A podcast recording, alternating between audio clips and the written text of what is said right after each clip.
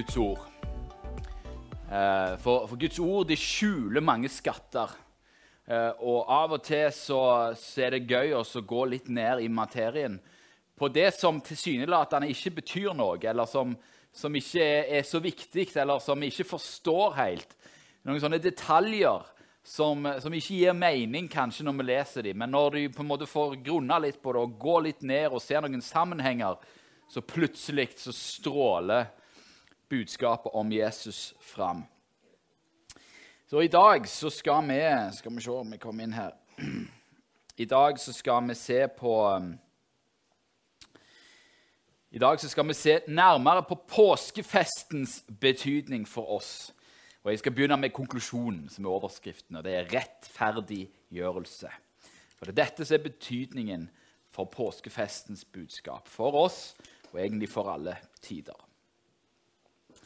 Nå, Utgangspunktet for denne talen eh, kommer til å være den første av de tre årlige pilegrimsfestene som er nevnt i Gamle testamentet. I den gamle pakt, eh, i, eh, og som på en måte jøder den dag i dag feirer, så var det tre såkalte pilegrimsfester. Eh, den første var da Pesach, som da betyr forbigang, eller som vi kaller påske. Eh, Så var det Shavuot, som betyr uker, fordi det var syv uker. Og det er det vi kaller for pinse, altså sju uker etter pesar. Og så var det Sukkot, som betyr hytter eller bod, eh, som vi kaller for løvhyttefesten. Så eh, i eh, eh, Jeg har tenkt å bruke dagen i dag til å fortelle om påskefesten. Eh, Og så tenkte jeg at eh, når pinsen kommer, så skal jeg eh, ta, ta den andre festen, pilegrimsfesten, som da handler om Shavuot. Og så håper jeg at jeg får lov til å komme tilbake 16. oktober eh, under løvhyttefesten og ta Sukkot. Uh, hvis jeg får lov. Eh, så Loven fortalte da at Israel tre ganger eh, om året skulle samle seg. Så Det som er felles for alle disse tre pilegrimsfestene, det var at man da reiste til, eh, til der paktens ark sto. Vil si typisk da til Jerusalem, i hvert fall etter, etter kong Davids tid. Så man valfarta til Jerusalem. eh, Og dette ser vi også i Jesus sitt liv, at han, han valfarter til disse festene når hele folket samles i Jerusalem. Eh, Så det var noe som var felles for alle disse tre festene. Alle disse tre festene var også minnesmarkeringer av bestemte hendelser i Israels eh, utvandring fra Egypt og, og eh, Guds redningsaksjon når han frelste Israel fra Egypt og førte dem inn i landet. Så det var konkrete minnesmarkeringer for det. Og så var alle tre festene sentrert rundt innhøstning. Og så kan jo du spørre meg, Thomas, hvorfor eh, skal vi se nærmere på jødisk jordbrukspraksis for 3000 år siden og de festene som er forbundet med dette? Vi lever jo ikke i den gamle pakt. Hvorfor er dette aktuelt for oss? Jo, tingen er at Vi tror jo at hele Skriften er innånda av Gud. Og at det som står skrevet og i eh, den gamle pakt, det eh, er viktig, og det kan lære oss noe. Vi tror at Det nye testamentet, evangeliet, det er åpenbaringen om Jesus Kristus. Men vi tror òg at Det gamle testamentet peker fram mot Jesus Kristus. Så når, når, når, eh, når, eh, når Lukas skriver sitt evangelium, så eh, gir han det til Theofilus. Og Da skriver han at jeg har skrevet dette for at du skal kjenne hvor pålitelig det er, det som du er opplært i. Og Det er litt det jeg har tenkt å gjøre i dag. Jeg skal vise dere hvor pålitelig det er at det vi tror på, faktisk er sant, og hvordan det er profetert om helt ifra begynnelsen. Og hvordan alle disse festene til syvende og sist handler om Jesus Kristus og det han har gjort. Både minnesmarkeringene og innhøstningene peker framover mot Guds frelsesverk i Jesus Kristus. Og det er det vi skal se på i dag. Vi skal fokusere på en tekst i dag. Um, vi skal jo ta fatt på den første av disse festene, Pesach, fordi det er den tida vi nå er inne i. Og Så skal vi se hva den handler om. Når påskefesten og eh, de påfølgende usyrede brøds dager det var den første av de tre pilegrimsfestene, og blir da holdt til minne om hvordan Gud redda folket ut av Egypt. Og Opphavet til påskefesten det finner vi i andre Mosebok rett før israelsfolket drar ut av Egypt. Og det er det som kommer til å være teksten i dag. Dere ser her er en ganske heftig tekst. Det er ganske mye tekst. Jeg vet det. Men vi skal gå gjennom den steg for steg. Først skal jeg lese hele teksten. Ehm, jeg har hoppet over noen vers eh, som ikke er så sentrale. Men vi skal lese versene 2-4, 5-8 og vers 11. Eh, så skal vi se om, dette, om dere klarer å få dette her med. Hvis dere ikke klarer å se det, så finne, eh, kan dere finne det i deres egne bibler. Andre Mosebok, kapittel 12, 2-4, 5-8 og 11. Denne måneden skal være deres nyttårsmåned. Den skal være den første av årets måneder hos dere. Tal til hele Israels menighet og si:" På den tiende dagen i denne måneden skal hver husfar ta seg ut et lam, ett lam for hvert hus. Det skal være et lam uten lyte, av hannkjønn, årsgammelt. Et lam eller et kje kan dere ta. Dere skal ta vare på det til den 14. dagen eh, i denne måneden. Der har jeg skrevet i dagen to ganger. Da skal hele Israels samlede menighet slakte det mellom de to aftenstundene. Så skal de ta av blodet og stryke på begge dørstolpene og på den øverste dørbjelken på de hus hvor de eter det. De skal ete kjøttet samme natt, stekt over ilden, og med usyret brød og med bitre urter skal de ete det. På denne måten skal dere ete det, med belte om livet, med sko på føttene og med stav i hånden. Og dere skal ete det i hast. Det er påske for Herren. I verset som følger dette verset, i vers 12, så beskriver Gud hvordan han skal gå gjennom Egypt og så skal han slå alle førstefødte. Men der han ser blodet, så vil han gå forbi. Derav ordet pesar. Han vil forbigang. Han vil gå forbi. De versene som dere ser her, de er så stappfulle av profetisk mening at det er litt vanskelig å vite hvor jeg skal begynne. Eh, men vi må gjøre et forsøk. Eh, og det jeg har tatt ut i begynnelsen, det handler da om det som står om nyttårsmåned. Denne måneden skal være deres nyttårsmåned. Den skal være den første av årets måneder hos dere. Nå, Nytt år er en betegnelse for en ny begynnelse. Og at denne måneden skulle være nyttårsmåned for Israel, var fordi den skulle innlede en ny epoke. Et nytt år er en ny epoke. Og eh, Bakteppet her er jo at Israel hadde vært slaver i 400 år. Men i denne måneden skulle de bli fri. Og derfor så var det, eh, derfor så var det denne måneden som ble valgt som nyttårsmåned. For dette var måneden der, der, der Gud skulle frigjøre Israel fra Egypt. Og det er dette som er temaet i påsken at slaver skal få frihet. I Johannes 8, 34-36 står, så sier Jesus Sannelig, sannelig sier jeg dere, hver den som gjør synd, er syndens trell. Men trellen blir ikke i huset til evig tid. Sønnen blir der til evig tid. Får da Sønnen frigjort dere, da blir dere virkelig fri. Påske handler om frihet. Det handler om frihet. Det handler om å gå fra å være slave til å bli fri. Det går fra å være trell til å bli et fritt menneske. For Israel var dette veldig konkret, for de var jo faktiske slaver som ble satt i frihet. Men hvis du går djupt i det, og ikke bare på overflaten, men ned i dypet, så er alle mennesker slaver av synd. Men Jesus kom for at vi skulle bli satt fri ifra synden. Får Sønnen frigjort dere, da blir dere virkelig fri.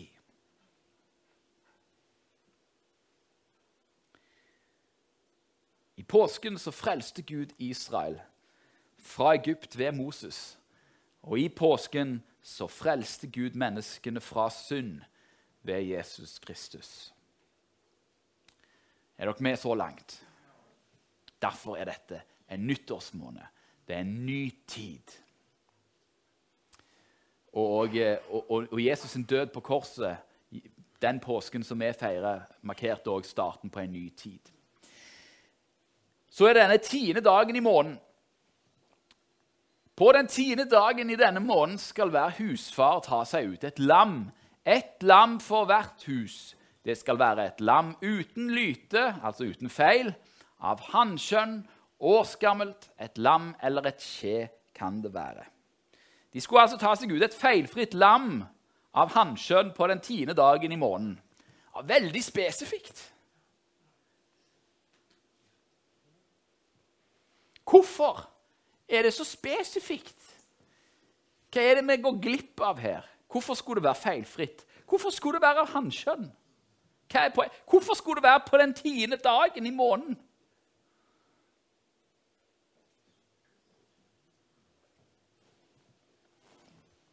Vet dere hva dag som er den tiende dagen i måneden?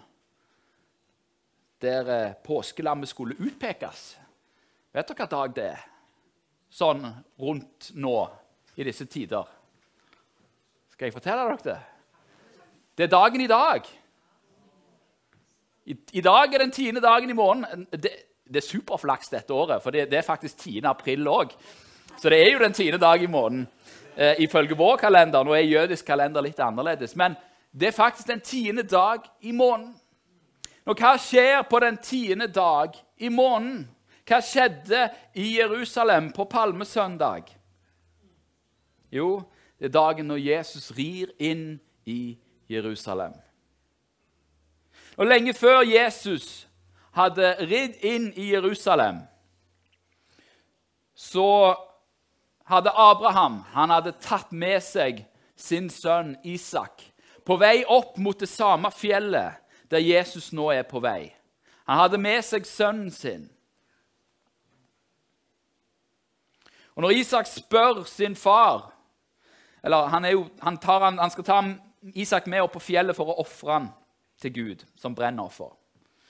Og når Isak spør sin far om hvor lammet er Her er det ved, her er det alt er gjort til rette, men det mangler et lam, det mangler et brennoffer. Så, svarer, så gir Abraham et svar som er meint å skåne Isak. Men i virkeligheten så profeterer han om det som kommer til å skje fram i tid. Første Mosebok 22,8. Gud vil sjøl se seg ut lammet til brennofferet, min sønn.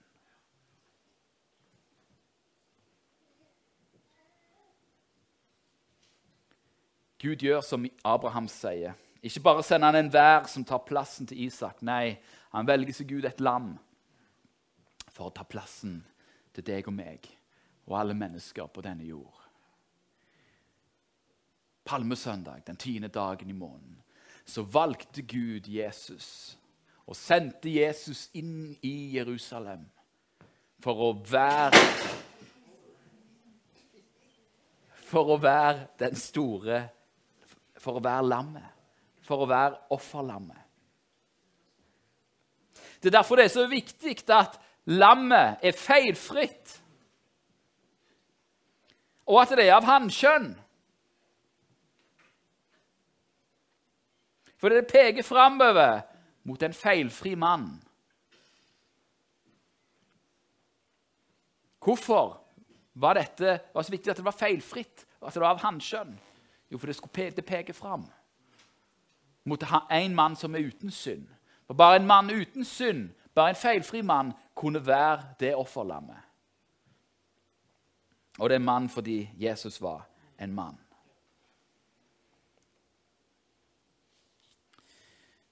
Jesus, nei, Døperen Johannes kaller Jesus for Guds lam som bærer verdens synd.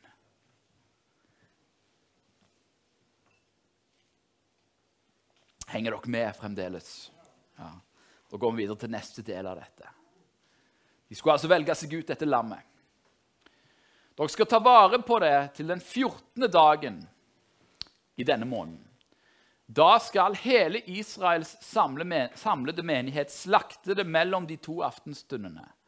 Så skal de ta av blodet og stryke på begge dørstolpene og på den øverste dørbjelken på de hus hvor de eter det.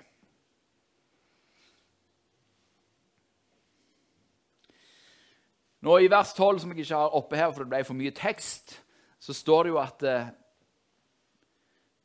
Så, så sa jo eh, Gud at jeg vil gå gjennom på denne natten så vil jeg gå gjennom Egypt og så vil jeg slå i hjel alle de førstefødte.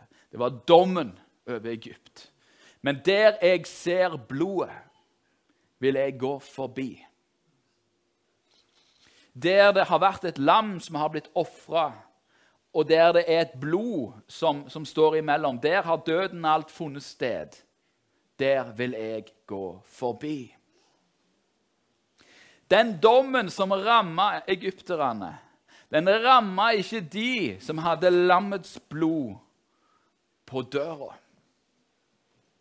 Og på samme måte er det når Jesus dør på korset, så så er det sånn at den som, som har tatt sin lit eh, til Jesus, han får sine synder tilgitt. Han kommer ikke til dom, for dommen har allerede ramma.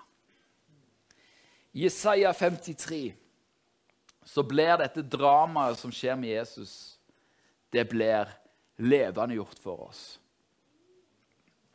Vi får, vi får alle vil som får. Isaiah 53, vers 6-8 og 10-11. Vi får alle vil som får. Vi venter oss hver til sin vei. Men Herren lot den skyld som lå på oss alle, ramme ham. Dommen rammer ikke oss. Han lot det, Vi hadde skyld, men, men dommen rammer han.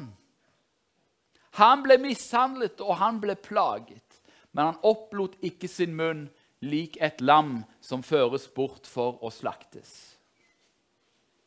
Lik et får som tier når de klipper det. Han opplot ikke sin munn. Ved trengsel og ved dom ble han revet bort. Men hvem tenkte i hans tid at når han ble utryddet av de levendes land, så var det for mitt folks misgjernings skyld plagen traff ham? Men det behaget Herren å knuse ham.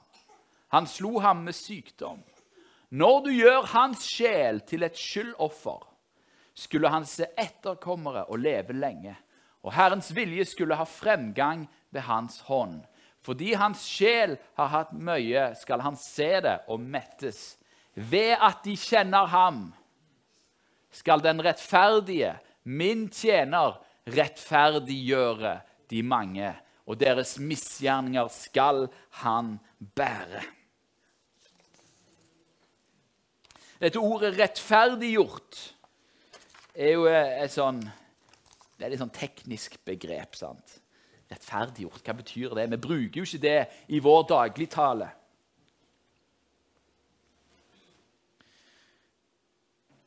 Ordet 'rettferdiggjort' det er en juridisk term. Det er henta fra rettssalen. Å bli rettferdiggjort betyr å bli frikjent i retten. Erklært rettferdig. Den rettferdige, min tjener, frikjenner de mange, og deres misgjerninger skal han bære.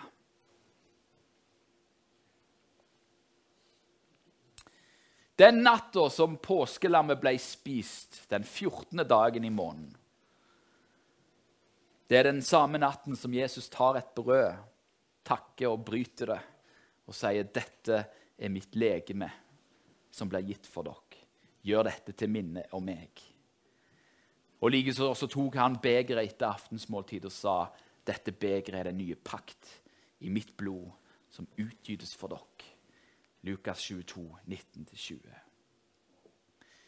Når Jesus gjør det, så innledes det en ny tid der det ikke er denne påsken som skal minnes lenger, men det er det han har tenkt å gjøre, som skal minnes. Det er en ny tid, der Kristi død på korset skal føre til rettferdiggjørelse, frikjennelse for de som gjør hans sjel til et skyldoffer. Det er dette som er evangeliet.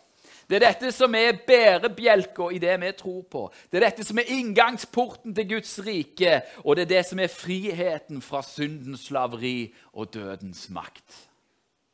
Det er Jesus Kristus, død på et kors for din og min synd. Amen.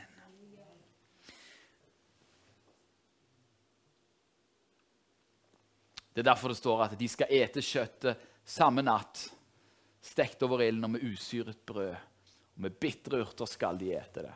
Grunnen til at de skulle ete det med belte om livet, med sko på føttene og med stav i hånden, var fordi at nå var det snart på tide å dra. Påsken var markeringen av at slaveriets tid var forbi. Påsken er markeringen av at eh, slaveriets tid under synd er forbi. Vi kan stå rettferdiggjort. Vi kan stå frikjent. Vi kan være fri.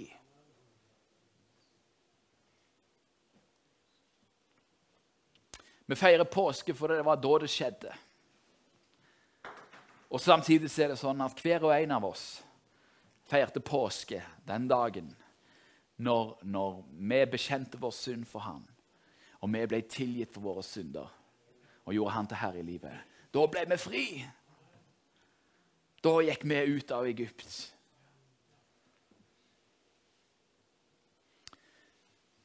Og Paulus summerer det så fint i Romerbrevet 20, ja, eh, Romerbrevet 8, er det vel, vers 22. Jeg var litt rask her når jeg eh, skrev her. Jeg tror det er Romerbrevet 8. Det kan godt være at det er et annet kapittel. Jeg, jeg husker ikke kapittelet nå, men det står i hvert fall at det er ingen forskjell. Alle har syndet og mangler Guds herlighet. Og de blir rettferdiggjort, altså frikjent, for intet av Hans nåde ved forløsningen i Jesus Kristus.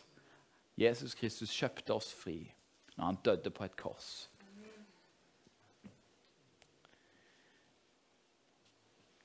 Det er dette som gjør at vi blir frelst. Det er dette som gjør at vi kan stole på at vi er frelst. Det Han har gjort for oss. Og dette ordet 'frelse', det norske ordet 'frelse', vet dere hva det kommer av? Nå skal dere få litt norsk historie òg her. I vikingtida så var det vanlig å holde treller, holde slaver. Og en måte man eller for å vite om en person var en trell eller en slave, så hadde han ei, ei jernlenke rundt halsen. Og ordet 'frelse' kommer av å gjøre halsen fri, altså å frihalse. Gjør halsen fri. Det er det ordet 'frelse' kommer av. Det norske ordet 'frelse'. Og det er et veldig godt bilde. Hva skjer i påsken? Jo, Jesus frelste oss. Han tok vekk den jernlenka som var rundt halsen, og satte deg i frihet. Det var derfor Jesus kom. Og Jeg kan jo egentlig bare avslutte der i dag, egentlig. men så er det mer. Vi har jo ikke snakket om innhøstningen ennå. Og Rett etter at vi hadde feira påskemåltidet, så skulle vi spise usyra brød i syv dager. Jeg kunne ha sagt en del ting om, om det usyra brødet òg, men det har jeg ikke fått tid til i, i denne, denne, gangen. Men det er noen hemmeligheter der òg. I denne perioden så skulle man òg bære fram det første kornbåndet av høsten. For i Israel var nemlig påsken og de usyrede brøds dager det var ikke bare for å minnes utgangen fra Egypt. Også for å markere starten på kornhøsten. Rett etter påske så høster man nemlig det første byggkornet. Og I tredje Mosebok så står det noen ganske interessante detaljer om hva du skulle gjøre i denne perioden. 3 Mosebok 23, 10-11. Tal til Israels barn og si til dem:" Når dere kommer inn i det landet jeg vil gi dere, og dere høster landets grøde, da skal dere komme til presten med det første kornbåndet av deres høst. Han skal svinge kornbåndet for Herrens åsyn, for at Herren kan ha velbehag i dere. Dagen etter sabbaten skal presten svinge det. Hørte jeg et amen? Kjenner dere ikke at dette her er, dette er halleluja? Dette her er halleluja.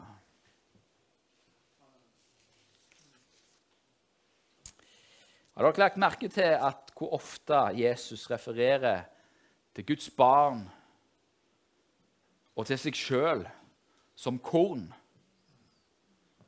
Lignelsen om såmannen sår ordet, og så vokser det. Sant? Der blir, der blir du og meg eh, blir det gjort som et bilde. altså Jeg bruker korn som bilde. Lignelsen om åkeren. sant? En mann gikk og sådde godt korn. og Så kom det en fiende og sådde ugras. Så vokste det sammen. Dette her, det er også en lignelse som handler om korn, der rikets barn blir sammenligna med korn. Jesus refererer til seg sjøl som livets brød. Brød er lagd av korn. Og Han forteller også en lignelse om hvetekornet. Hvordan det ikke kan bli liv uten at det først dør. Så hele tida så, så, bruker Jesus kornreferansen som en eh, Som en, som en eh, Som et bilde på, på Guds rike, og som et bilde på rikets barn. Og Nå skal vi se noe spennende her. Eh, det første verset her det skal jeg også bruke neste søndag. Men eh, 1. Korinterbrev 15, 20-23. Der står det at Men nå er Kristus reist opp fra de døde og er blitt førstegrøden av dem som er sovnet inn. For ettersom døden kom ved et menneske, så er også de dødes oppstandelse kommet ved et menneske. For like som alle dør i Adam, slik skal også alle bli gjort levende i Kristus men hver i sin egen avdeling. Kristus er førstegrøden. Deretter skal de som hører Kristus til, bli gjort levende ved hans komme. Det første kornbåndet, den første grøten, skulle bringes fram til pressen, som da skulle svinge det. Det betyr lufte det opp for Herrens åsyn. Vet dere hva dag dette skjedde på? Jo, det var dagen etter sabbaten. Så først var det påskemåltidet på den 14. dagen. Det er nå på torsdag. Så kom sabbaten. Og så dagen etter sabbaten så skulle de bringe fram den første grøten som skulle løftes opp for Herren på Jesu Kristi oppstandelsesdag. Ser dere? Kan dere nå si halleluja? Amen. Ser dere hvordan hele påskefesten handler ikke Jo, det handler jo om Israels utvandring fra Egypt, og at nå skal vi begynne høsten.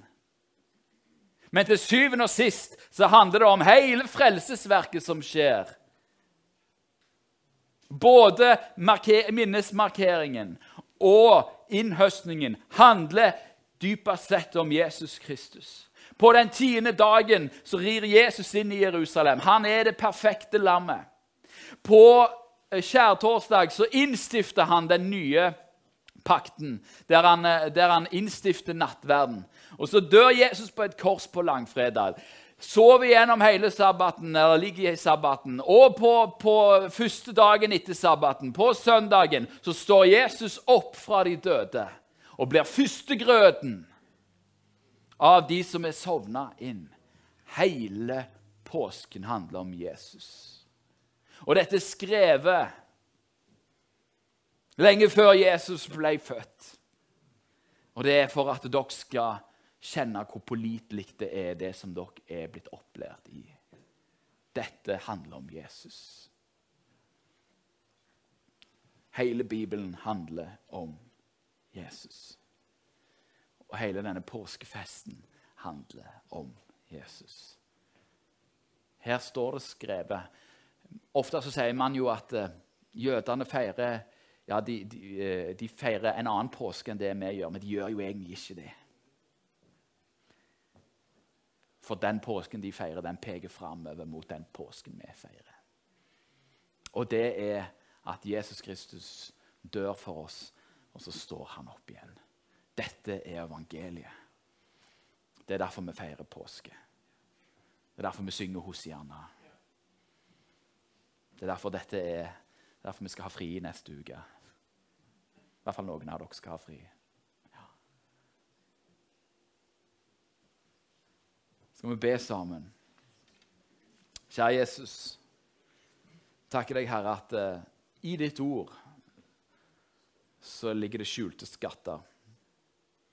Og vi takker deg for Din Hellige Ånd, at du åpenbarer det og at eh, alt, alle disse festene som du sa at Israel skulle følge i Det gamle testamentet, det var for å gjøre det så ettertrykkelig klart og tydelig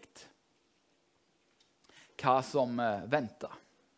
Og akkurat som du er førstegrøten, så, så er vi òg din åker. Vi er ditt folk. Vi, vi er vi er her som, som, som dine etterfølgere, vi er dine barn. Fordi vi har gjort deg til et skyldoffer. Herre, du frelste Israel ut av Egypt, og du frelste oss fra, fra syndens Egypt. Så frelste du oss ut, så vi kunne være fri og vandre i frihet, i etterfølgelse av deg. Og slippe å ha skyld. Å Slippe å ha dom og slippe å frykte døden. Fordi du overvant òg døden. Og akkurat som presten løfta den første byggkornet til deg, Herre, slik reiste du, Gud, Kristus opp fra de døde på den samme dagen, på oppstandelsesdagen for å vise og bevise for alle mennesker at eh, det som du har sagt, det, det er sant. Og det verket som du gjorde, det er sikkert. Det er sikkert. Og så takker vi deg, Herre, at vi kan finne deg i Det gamle testamentet. Og vi finner deg klart forsynt i det nye. Herre, det du har gjort, det er bevist og det har blitt fortalt på forhånd. Det er ikke noen tilfeldigheter, men du har innånda ditt ord i Skriften. Den er innånda av deg, Skriften, for at vi skal bli frelst ved den. Og Det takker vi deg for.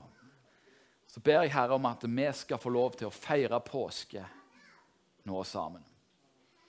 Og at vi skal få lov til å legge ned synden som tynger, for at vi kan gå i frihet. Kjære Jesus, vi, ønsker å møte deg i påsken.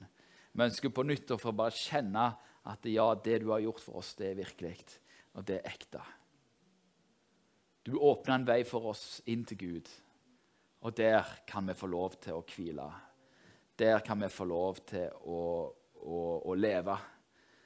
Der ligger vår glede. Amen.